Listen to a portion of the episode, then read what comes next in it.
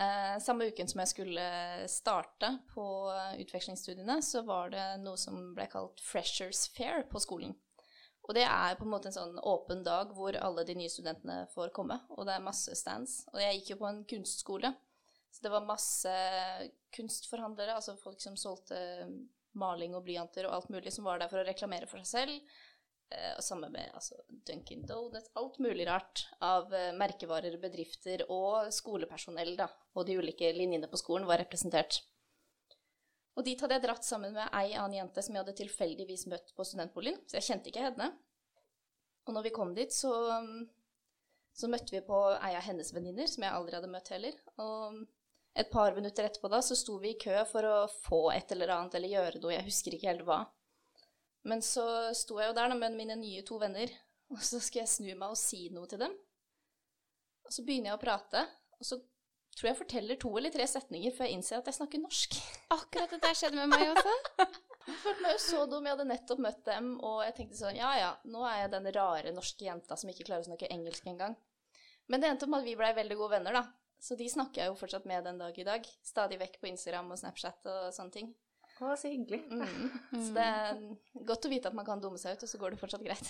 Og godt å vite at dere begge er i samme Ja. Ja. båt. Morsomt å høre. Herregud, begge to. Hvordan klarte du det? Ja, Men jeg husker det så godt. Og så bare tenkte jeg bare Men i alle dager, hva er det jeg holder på med? Ja, men jeg tror Ja. liksom hjernen din klarer ikke å henge med på den overgangen at du faktisk har flytta, eller Nei. at du bare plutselig er i et annet land, eller Mm. Og så var det bare et eller annet Altså, jeg, bare, jeg la ikke merke til det før hun jenta bare så på meg bare sånn Jeg skjønner ingenting.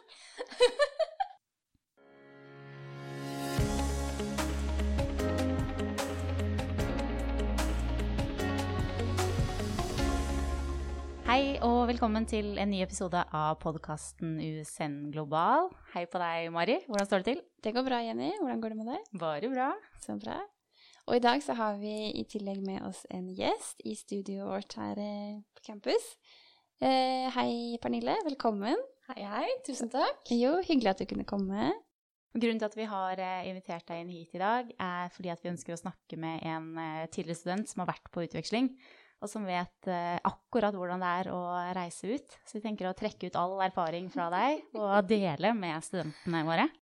Så kan ikke du fortelle litt kort om hvem du er, og hva du studerte på USN, og hvor du var på utveksling? Ja. Jeg heter da Pernille, som allerede har blitt stadfesta. Um, og jeg kommer fra Kløfta, men jeg flytta til Drammen i 2016 for å begynne å studere her. Og da studerte jeg visuell kommunikasjon, en bachelorgrad. Og da i femte semester så dro jeg til London på utveksling, til eh, Central St. Martins, som er en del av University of the Arts London. Uh, og der tok jeg da en graphic, graphic communication design-grad, eller deler av den graden, da i eh, tre-fire måneder. Hvorfor ville du egentlig på utveksling? Det var jo egentlig litt sånn for å få et avbrekk og for å gjøre noe litt annerledes. Jeg syns det virka veldig spennende å få muligheten til å reise ut og gå på en annen skole, selv innenfor samme bachelorgraden. For jeg visste at jeg hadde ikke noe lyst til å studere noe videre i ettertid, men jeg hadde lyst til å prøve meg i utlandet og få oppleve det. Mm. Og hvordan bestemte du deg for hvor du ville reise? Jeg så jo først på det utvalget av skoler som var tilgjengelig på USN sine nettsider. Og også gjennom et sånt informasjonsmøte vi hadde, så fikk vi et skriv om hvilke skoler som var aktuelle. Og da gjenkjente jeg eh, Central St. Martins eh, og UAL fra jeg var på studietur der på videregående, faktisk.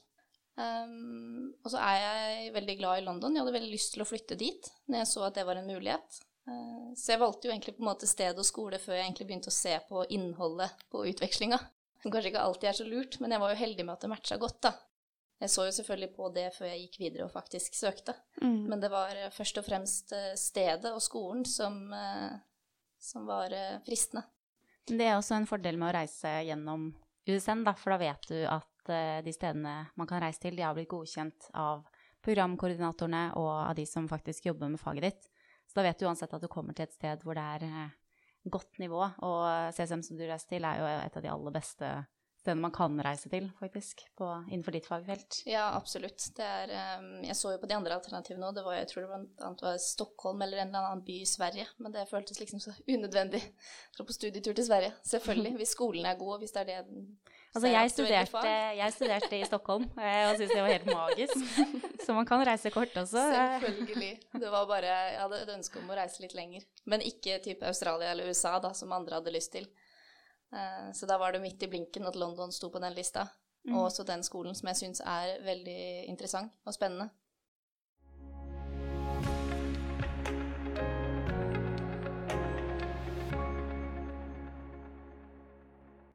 Hva er det beste minnet du har fra utvekslingen? Kanskje vanskelig å si ett, men litt sånn når du tenker tilbake, hva er det? Ja, det jeg stadig faller tilbake på, er at jeg hadde det jeg vil si verdens fineste skolevei det var Etter en stund så fant jeg ut av hvilken skolevei som passa meg best, for jeg måtte jo ta enten bane eller buss og gå litt og alt mulig rart. Men jeg endte jo oppe da med en uh, løype, holdt jeg på å si, hvor bussen stoppa rett utenfor studentboligen der jeg bodde. Så tok jeg den i rundt 20 minutter, og da hadde jeg et kvarters gange til skolen fra bussholdeplassen. Og det var langs uh, Regents kanal, som er sånn, en sånn urtypisk britisk kanal midt i byen, med masse elvebåter og uh, fugler og masse grønt, da, som var en sånn skikkelig fin start på dagen. Og særlig, jeg var jo der på høsten, så alt blei jo oransje og gult og rødt, og det er bare så fine minner. Jeg bare savner den skoleveien så godt. Mm. Så det er sånn, jeg hører på musikk, som jeg pleide å høre på da jeg bodde i London, så tenker jeg alltid på den skoleveien, for jeg hørte jo alltid på den samme musikken jeg gikk til og fra skolen.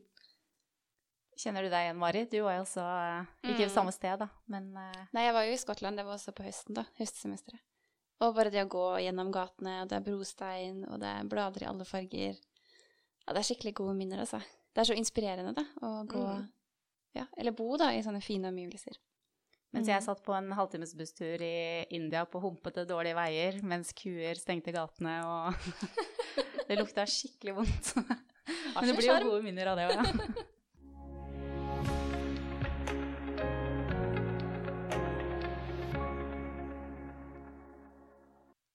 Jeg hadde ja, nesten to uker fra jeg flytta til det var studiestart. Og det gjorde jeg både fordi at jeg ville bli eh, med på en del av, de, av det som egentlig var sånn fadderopplegg da, for skolen, for det starta ganske tidlig. Men også for å komme meg ordentlig på plass og få kjøpt alt jeg trengte og sånne ting. For jeg tok jo med meg bare det mest nødvendige fra Norge, selvfølgelig. Så andre dagen i London så skulle jeg ut og um, kjøpe meg kjeler og stekepanner og alt mulig sånt. Tenkte det ville jo være enkelt å få tak i i London sentrum. Og det var det jo ikke. I, for jeg tenkte at det må være et eller annet i gangavstand fra der jeg bor. Det må ikke være så vanskelig.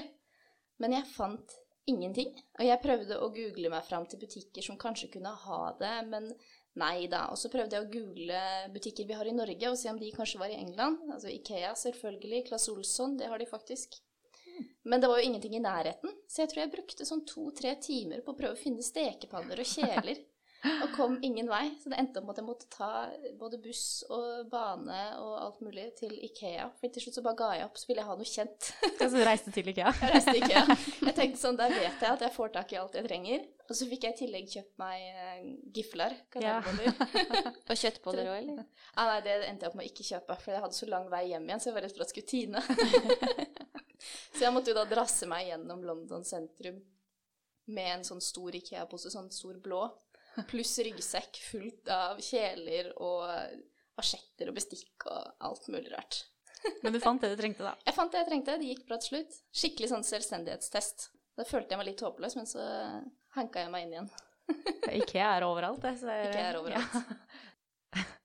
men ja, fant du senere altså, ja, fant ja, rett borti gata. Ja, okay. ja, men det var sånn eh, bestillingssystem, så de hadde ikke en fysisk åpen butikk. Jeg vet ikke, Har dere hørt om Kjell Company? Eh, ja. ja. Det er jo Norge også, ja. tror jeg. Ja. Ja. det var ikke den, da. Men det er samme type konseptet. Ja, De har ikke noe særlig varer ute i, foran disken. Du må hente alt bak. Så du måtte ah. inn på ah. iPader der og legge inn bestilling. For jeg var faktisk innom den butikken, for jeg så at de hadde masse på nett. Så skjønte jeg ikke konseptet. Ja, Men det hadde ikke jeg skjønt heller. Det her er genialt tips til alle andre. men det her er sånne småting som du bare Du kan ikke lære deg det før du drar. Du bare finner, du finner ut av det. Ja, mm. man finner ut av det da, etter mm. Absolutt. Og så går det alltid bra til slutt. Mm. Uansett. Så har du en historie å fortelle i podkasten. ja.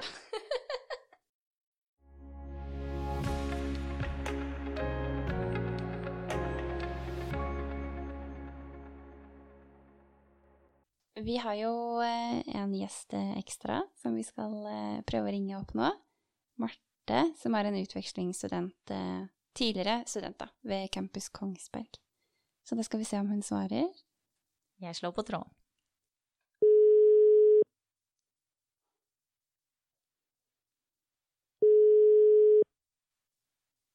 Hallo. Hallo. Er det Marte? Hei. Ja. Ja, hei Marte. Hvordan går det med deg? Det går bra. Nå sitter vi her i studio. Jeg har med meg Pernille og Jenny. Hei. Hallo. Ja, hei. Så hyggelig at du eh, kunne ta deg tid til det her, da. Det var hyggelig å få bli eh, invitert. Marte, jeg vet at du har starta en ny jobb nå nettopp. Um, Gratulerer. ja, gratulerer. Eh, tror du at utvekslingsoppholdet ditt har hjulpet deg i søknadsprosessen og i intervjuet til den stillingen?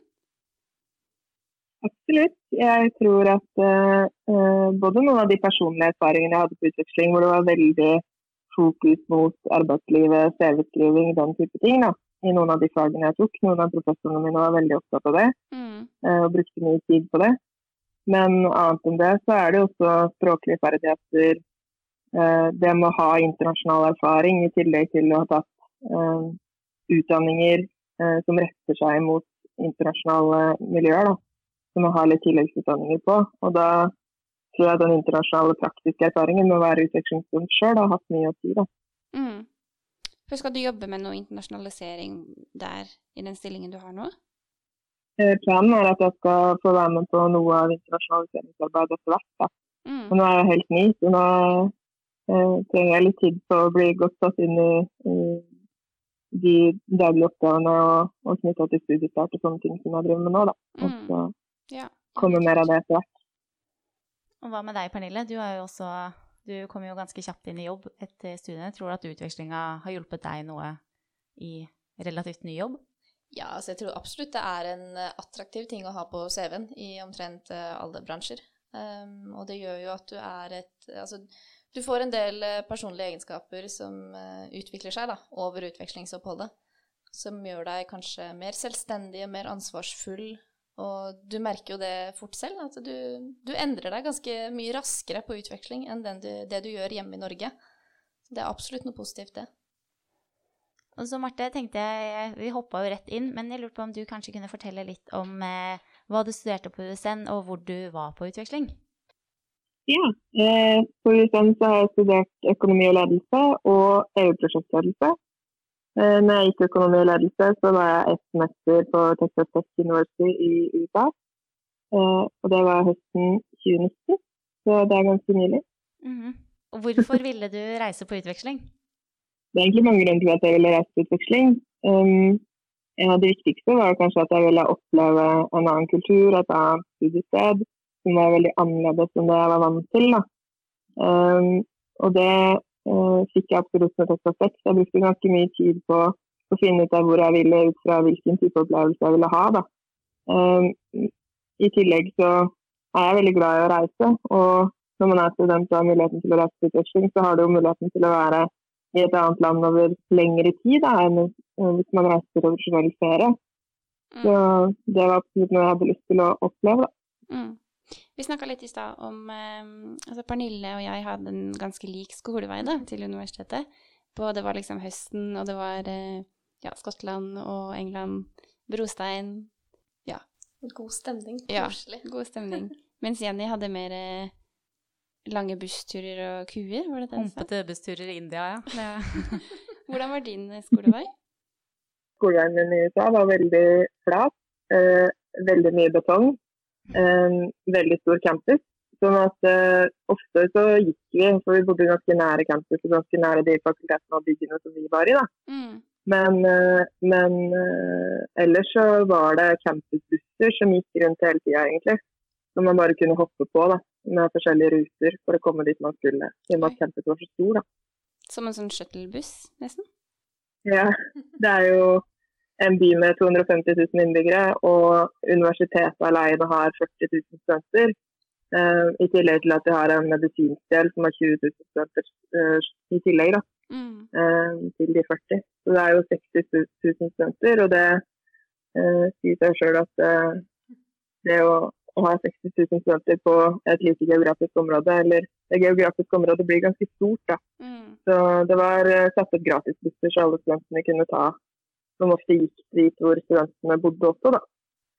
Hvilke forskjeller er det mellom å være student i Norge og i Texas?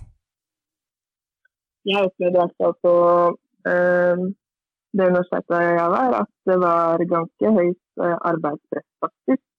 Eh, litt mer sånn som jeg var vant til fra videregående med obligatorisk oppmøte.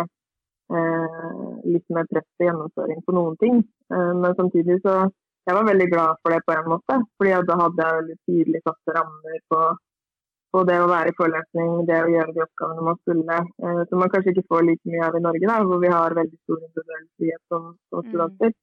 Så det er jo eh, mye positivt med det òg. Og det, eh, det, vil jeg kanskje si er den største forskjellen, i tillegg til at det er mye mer formelt. da, Det forholdet mellom studenter og professorer, f.eks. Um, det er veldig mye mer formelt. og man må, Jeg lærte veldig fort at man skal uh, bruke riktige benevnelser da, når man prater med uh, ansatte og professorer og sånn. Og det var de veldig opptatt av også. Så det, jeg syns egentlig at det er blitt mer høflig å være student uh, i USA. Ja. ja. for det har vi snakka litt om tidligere også. At det som kjenner mm. Norge, er veldig sånn flat struktur da, mellom student og foreleser. Men da fikk du erfare hvordan, ja. det var, ja, hvordan det var helt motsatt, da. Og hvordan var det i London, Pernille? Det var nok litt mer eh, likt som i Norge. Men det kan nok også ha mye med at jeg gikk eh, en kreativ studieretning. Jeg vil tro at det er mer uformelt eh, jevnt over i verden. Da mm. er man litt mer laidback i forholdene til, eh, til, forelesere og fagansvarlige og sånt. De var jo med i workshops og var med og malte og alt mulig sånt noe.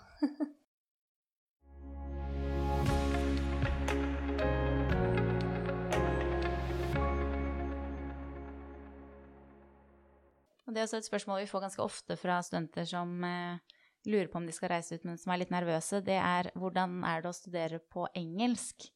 Så slenger jeg det over til deg, Pernille, først. Jeg syns det gikk eh, ganske greit. Det var, altså, jeg har alltid vært eh, ganske god i engelsk. Jeg har ikke hatt noen store problemer med det. Men allikevel så var jeg ganske nervøs første skoledag, når jeg visste at jeg må eh, prate engelsk hele dagen, og jeg må prate faglig engelsk. Men det, det går seg veldig fort til. Eh, og i klassen min også så var det veldig mange andre utvekslingsstudenter. Enten om det var eh, noen som bare skulle være et semester som meg, eller som tok hele graden sin, eller eh, rett og slett innvandrere som hadde flytta til England i løpet av barndommen. Så jeg var absolutt ikke den som var dårligst i engelsk. Og ingen brydde seg om jeg sa noe feil. Da bare prøvde vi på nytt. Og det, etter hvert så bare flyter det. Da tenker du ikke over det lenger. Da sitter du ikke og analyserer hvilket ord er best å bruke nå. Da bare snakker du, og så går det helt fint. Ingen som bryr seg. Og hvordan eh, var det i Texas, Marte? Det var egentlig mye av den samme erfaringa jeg hadde i Texas, faktisk. Eh, I starten eh, så vi hadde jo ganske mye engelsk pensum og sånn eh, i Norge også. En del fagbøker og sånne ting, da. Men eh, når alt gikk på engelsk, både fag, forelesninger, eh, hverdagspraten på en måte, så man er kanskje litt tregere i starten. Spesielt på det med å lese pensum og på en måte jobbe med fagene. da. Og for så vidt også i sosiale sammenhenger, men man kommer jo veldig fort inn i det. Ehm, jeg er litt sånn at jeg må tenke på det språket jeg snakker. Så det, for meg så var det etter hvert vanskeligere å prate med eh, de hjemme da, som bare prater norsk. fordi da var det veldig mange ord og uttrykk som jeg egentlig hadde glemt. fordi at jeg var så vant til å tenke engelsk. da. Mm. Så det gikk egentlig veldig, veldig fint. Og etter hvert så blir man jo mer effektiv på å lese og sånn også. Så det, ja, det er egentlig mye vane, da. Og de er veldig behjelpelige med en gang det er ord og uttrykk som man egentlig ikke kan. da.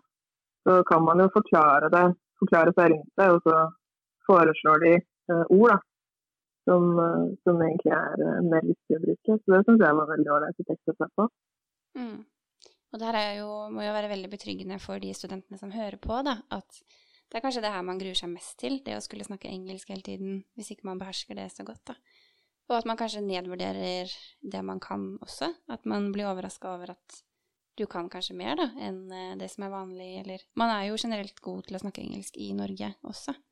Det var noe av den tilbakemeldingen som mange i Texas i hvert sa. Da var det at de norske studentene var av de beste til å snakke engelsk. Og det gjelder selv de som tror at de er dårlige i engelsk. De er egentlig veldig gode i engelsk sammenlignet med veldig mange andre. Så det, det pleier aldri å være noe problem. og det, det var i hvert fall den tilbakemeldinga vi fikk på, på universitetet der borte. Og hvis man tenker at man er litt dårlig i engelsk, så bør man i hvert fall reise ut for å bli enda bedre. Og det er jo en helt fantastisk måte å lære seg bedre engelsk på.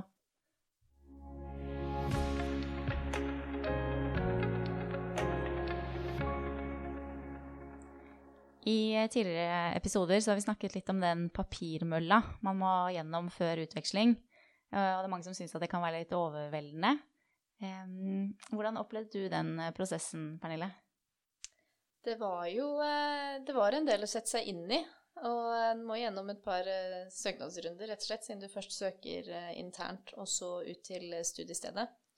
Men det viktigste av alt, absolutt, er å prøve å finne ut av det selv Altså, du har mye ansvar som student når du skal på utveksling. Det er du som på en måte må eh, handle da, og gjennomføre. Og så må du heller bare be om råd når du trenger det. Hør, hør. jeg jeg syns det gikk, gikk, ganske så greit. Jeg fant den eh, informasjonen jeg trengte på USN sine nettsider.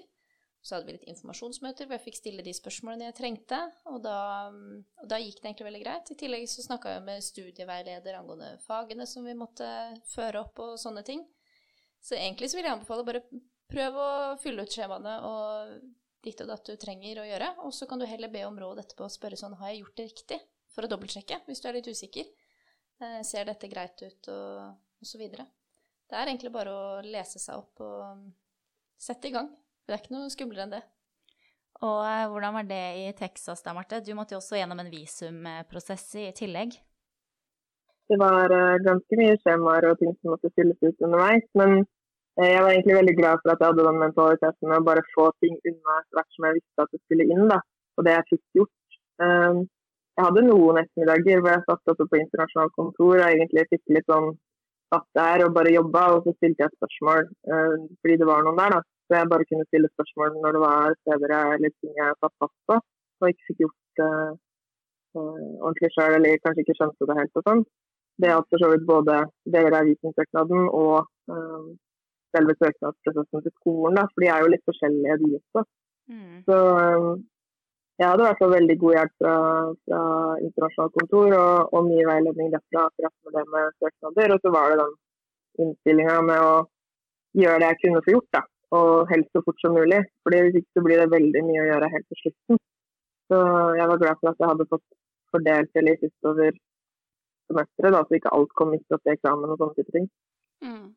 Og det her summerer jo opp veldig godt det vi tenker også, at du prøver selv og gjør det du kan selv. Men hvis du trenger hjelp, sånn som du kanskje trengte, Marte, så eh, med visum og, og alt det der, da, så får man jo hjelp til det også. Så tar vi oss tid til å veilede dere på det, selvfølgelig.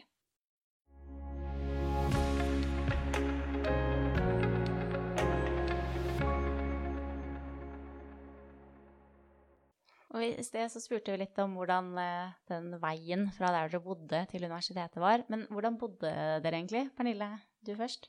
Jeg valgte å bo på studentbolig. Jeg følte det var eh, på mange måter det tryggeste valget. Jeg reiste jo aleine, jeg skulle ikke ha med meg noen medstudenter. Og da tenkte jeg det at hvis jeg, hvis jeg finner meg en privatbolig hvor jeg leier, selv med roomies, så blir ikke det den situasjonen jeg ønsker, da. Jeg har lyst til å komme rett inn i det sosiale miljøet på skolen og jeg vil ha, ha, folk rundt meg da, som er i samme situasjon.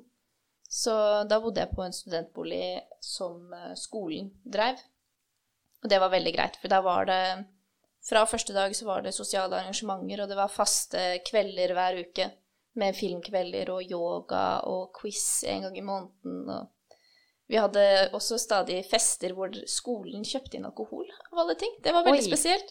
Men det, de hadde noe som de kalte for social reps, som hadde Det blir som en fadder, da, bare gjennom hele året. Så det var vel tre stykker på studentboligen som hadde ansvaret for å holde disse sosiale kveldene og arrangere fester. Og det var ikke noe sånn der, eh, helt latterlige mengder alkohol som ble vært inn, altså, men eh, en øl eller to til alle som uh, møtte opp. Og det var liksom bare det lille ekstra da, for å gjøre det koselig og sosialt for alle, og særlig for utvekslingsstudentene som eh, kommer på egen hånd. Og hvordan bodde du da, Marte?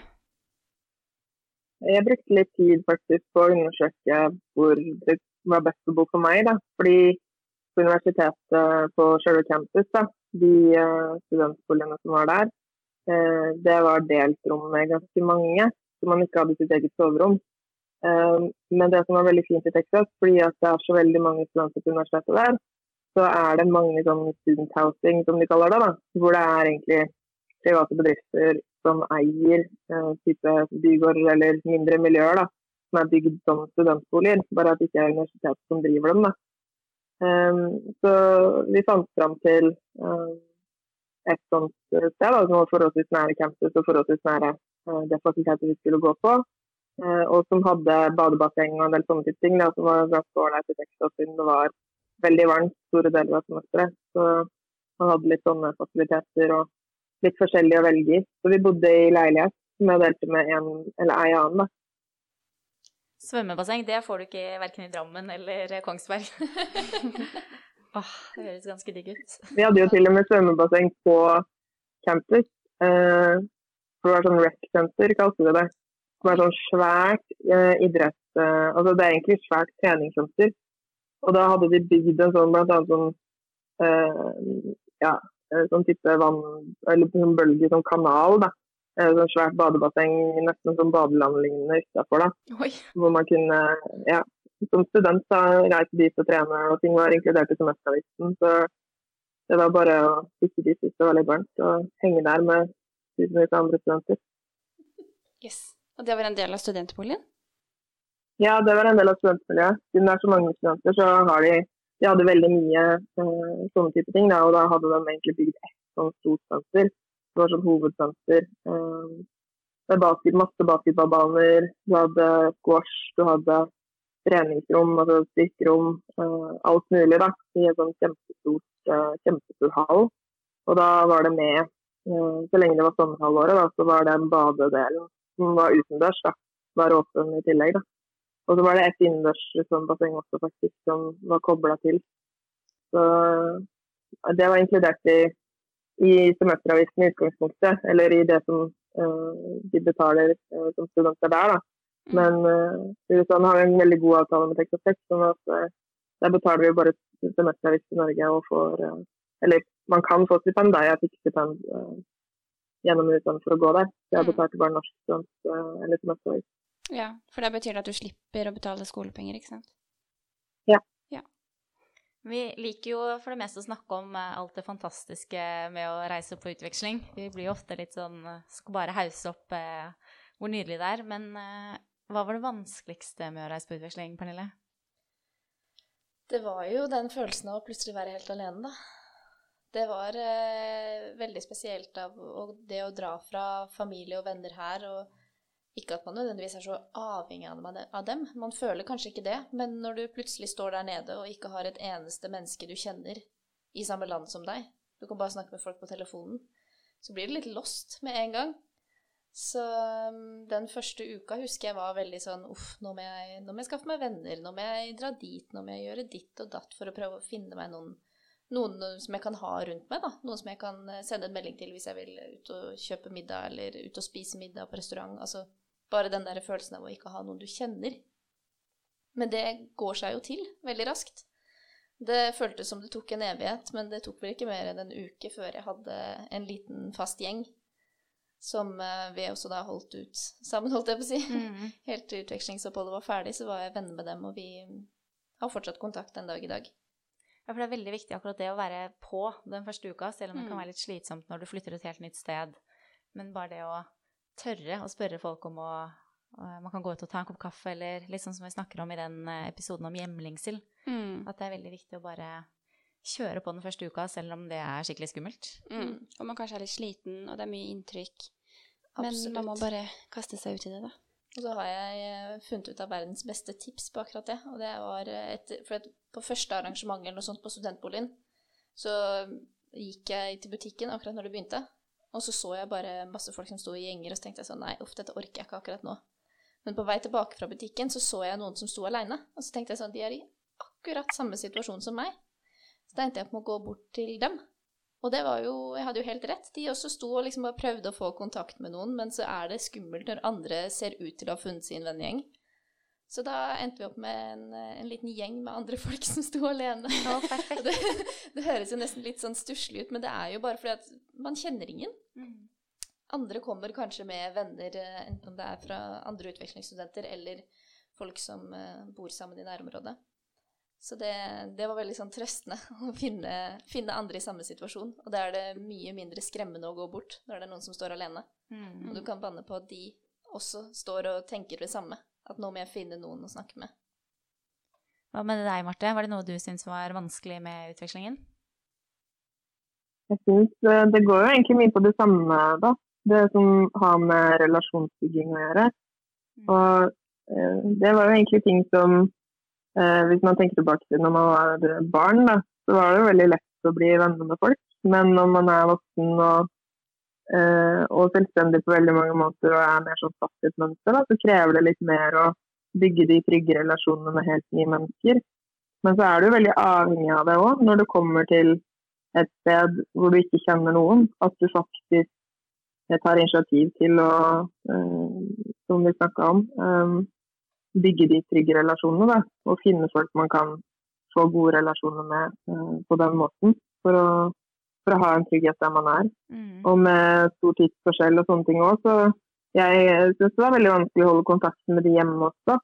Fordi at uh, det var såpass stor tidsforskjell med sju timer da, til dit jeg var, at det var veldig begrensa tidspunkter på døgnet hvor man var tilgjengelig. da. Fordi når de var tilgjengelige på kveldstid, så hadde jeg undervisning på dagtid. Og på kvelden så var det natta her, ikke sant? med mindre jeg var oppe veldig seint. Mm. Så eh, ja, man må rett og slett bare finne eh, folk som man kan bli trygg på, og, og på en måte eh, som kan være litt familie, litt venn, litt sånn alt i ett. da. Mm.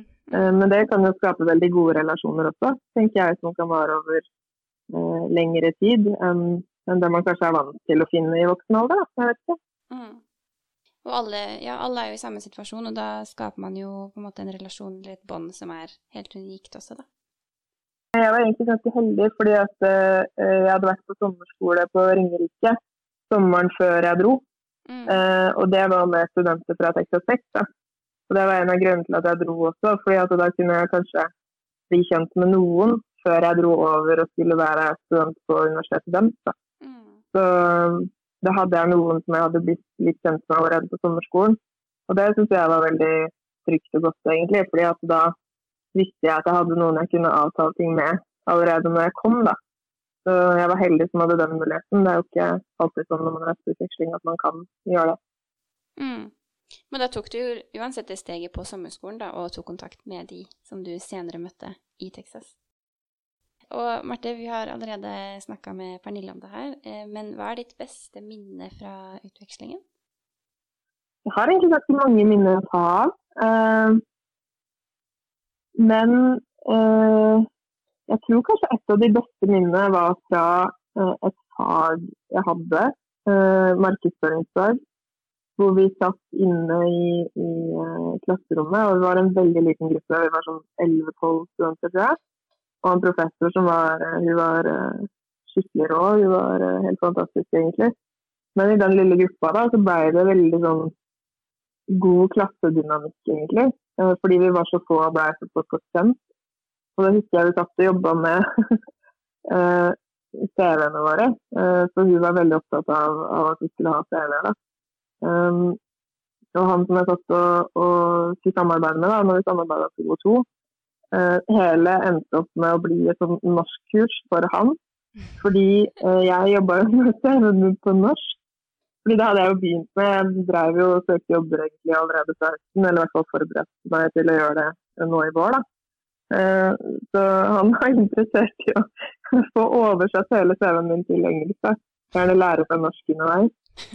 Så, så da ble jeg egentlig sånn der gjorde egentlig ikke noe nyttig, men det bare var veldig hyggelig, da. Og så er det jo en del andre gode minner, da. Som ja, det å reise på idrettsarrangementer både på campus og uh, når man dro bort i helga for å reise på, på, tur, rett og slett. Oppleve litt andre deler av USA, andre byer og sånne ting. Og ble vi invitert hjem til ei venninne på Thanksgiving og feira det hjemme hos familien hennes. Da. Og det syns jeg var veldig hyggelig. Hva fikk dere å spise på thanksgiving der? De hadde kalkun og uh, skinke og masse forskjellige typer tilbehør. da. Uh, og veldig mange forskjellige typer desserter og sånn. Og um, vi hadde stått um, dag, eller natta før, egentlig, og for så vidt litt dagen før også, og lagd um, karamellpudding og uh, risgrøt, eller riskrem, fordi vi tenkte at vi skulle Eller vi spurte om det var greit om vi tok med noe som var liksom typisk norsk. da. Så, så det hadde vi med. da. Den karamellprodukten ble ikke sånn veldig bra, for det sukkeret vi brukte, det, det smakte bare brenn. Men de syntes det var godt, da. Um, men uh, riskremen ble veldig bra, da. For de som liker riskrem. Men sa du ikke akkurat at amerikanere var veldig høflige, så tror du faktisk de syntes det var godt, eller var de bare høflige? Det kan hende de bare var høflige, faktisk. Det er ikke godt å si. Men det, det, her, det, er så gøy å høre historien dere har fra utveksling, og det er jo ikke bare liksom det som skjer på skolen eller på universitetet, da, som eh, er viktig når man drar på utveksling. Det er alt det andre rundt òg, da. At man kan dra hjem på besøk til venner man får, dra på turer og vokse mye på den måten, da.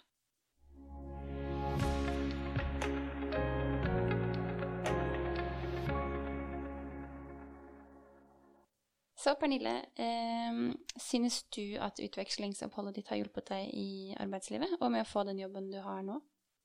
På utvekslinga så lærte jeg jo nye måter å jobbe på som vi ikke brukte på studiet i Norge. Eh, den kunstskolen jeg gikk på var jo særdeles mye mer kreativ og eh, løssluppen enn eh, universitetet her. Så mm, jeg føler det har gitt meg litt flere verktøy da, å spille på.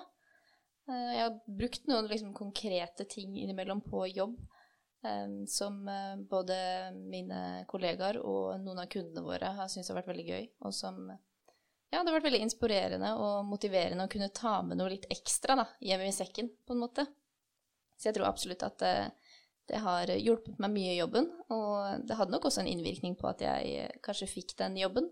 Mm. Det kan jeg jo ikke si for sikkert. Jeg har ikke spurt sjefen, men uh, Det er i hvert fall ikke et minus. Det er i hvert fall ikke et minus. Det kan man helt sikkert si. Marte, hvis du kunne gitt deg selv eh, et råd eh, før du reiste på utveksling, hva ville du sagt til deg selv da? Det rådet jeg hadde gitt meg selv, tror jeg kanskje hadde vært å nyte det og leve i øyeblikket mens man er der. da. Fordi Noe av det som jeg merka veldig godt når jeg først var der, var det at når du er midt oppi det, tida går så veldig fort. Så det å faktisk sette pris på det, det å på en måte eh, ta vare på de mulighetene man har som utvekslingsstudent til å oppleve nye ting, bli kjent med nye mennesker, eh, det, det tror jeg kanskje at jeg hadde sagt til meg sjøl at jeg skulle ja, gjøre mer av. Rett og slett bare leve i nuet og ta vare på mulighetene. Det var et veldig fint eh, råd. Mm. Den har jeg lyst til å ha på T-skjorte når jeg går inn i klasserom eh, til eh, studentene. Hva med deg, Pernille? Jeg må nesten si eh, det samme. Jeg følte at jeg bare I ettertid så har jeg sett at jeg, jeg falt inn i en hverdag som jeg var veldig komfortabel med, og som jeg syntes var veldig fin. Men eh, det var så mye annet jeg kunne ha gjort og kunne ha opplevd, som jeg ikke tenkte på der og da. Som jeg nå angrer på at jeg ikke, at jeg ikke gjorde, da. Jeg skulle gjort mer. Jeg skulle reist på flere musikaler i London. Det er jo helt magisk. Jeg var bare, jeg var bare på tre stykker. jeg skulle vært på ti. Og jeg skulle ønske jeg hadde reist litt rundt uh, utenfor London, for det hadde jeg absolutt hatt muligheten til. Og uh, generelt det å gjøre litt mer enn å bare sitte på studentboligen med vennene mine, selv om det var veldig hyggelig, uh, så skulle jeg ønske jeg hadde pusha dem litt til å bli med meg ut og oppleve mer. Og så skulle jeg ønske jeg bare hadde dratt på Ikea for å kjøpe meg alt jeg trengte, istedenfor å surre rundt og prøve å leite etter andre steder. Alltid dra bare rett på Ikea. Så man kan i hvert fall si at det å reise på utveksling, det gir mersmak på å reise mer, da. hvert fall. Absolutt. Mm.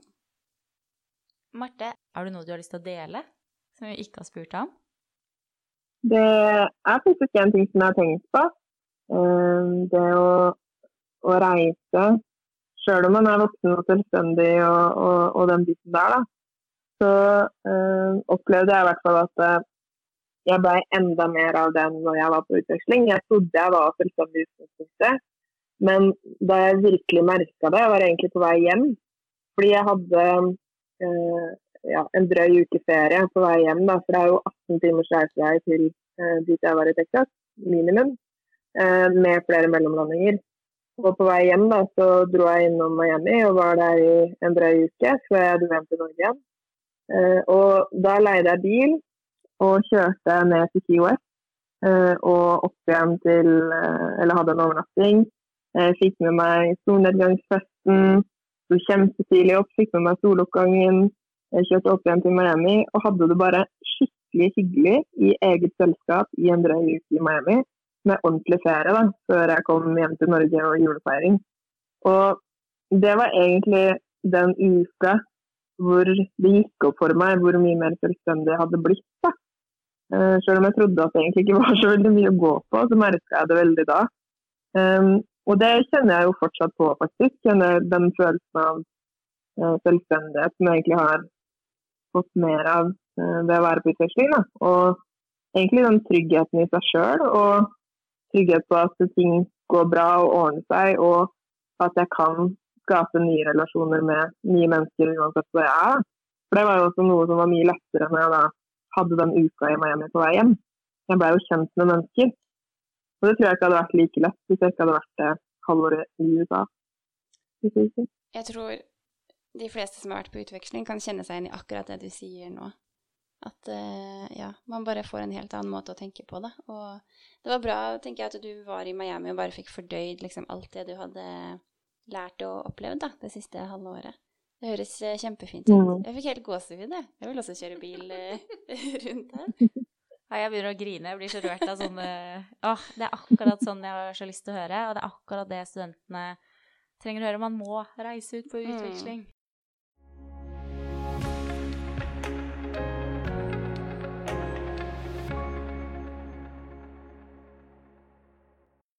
Og det her, det er så eh, utrolig fint at dere har stilt opp på det her. Fordi jeg tenker sånn, Det begynner å bli en stund siden jeg reiste på utveksling nå, men det er akkurat det her jeg burde hatt da, før jeg reiste ut. For jeg mm. husker Første gang så var jeg jo skikkelig nervøs.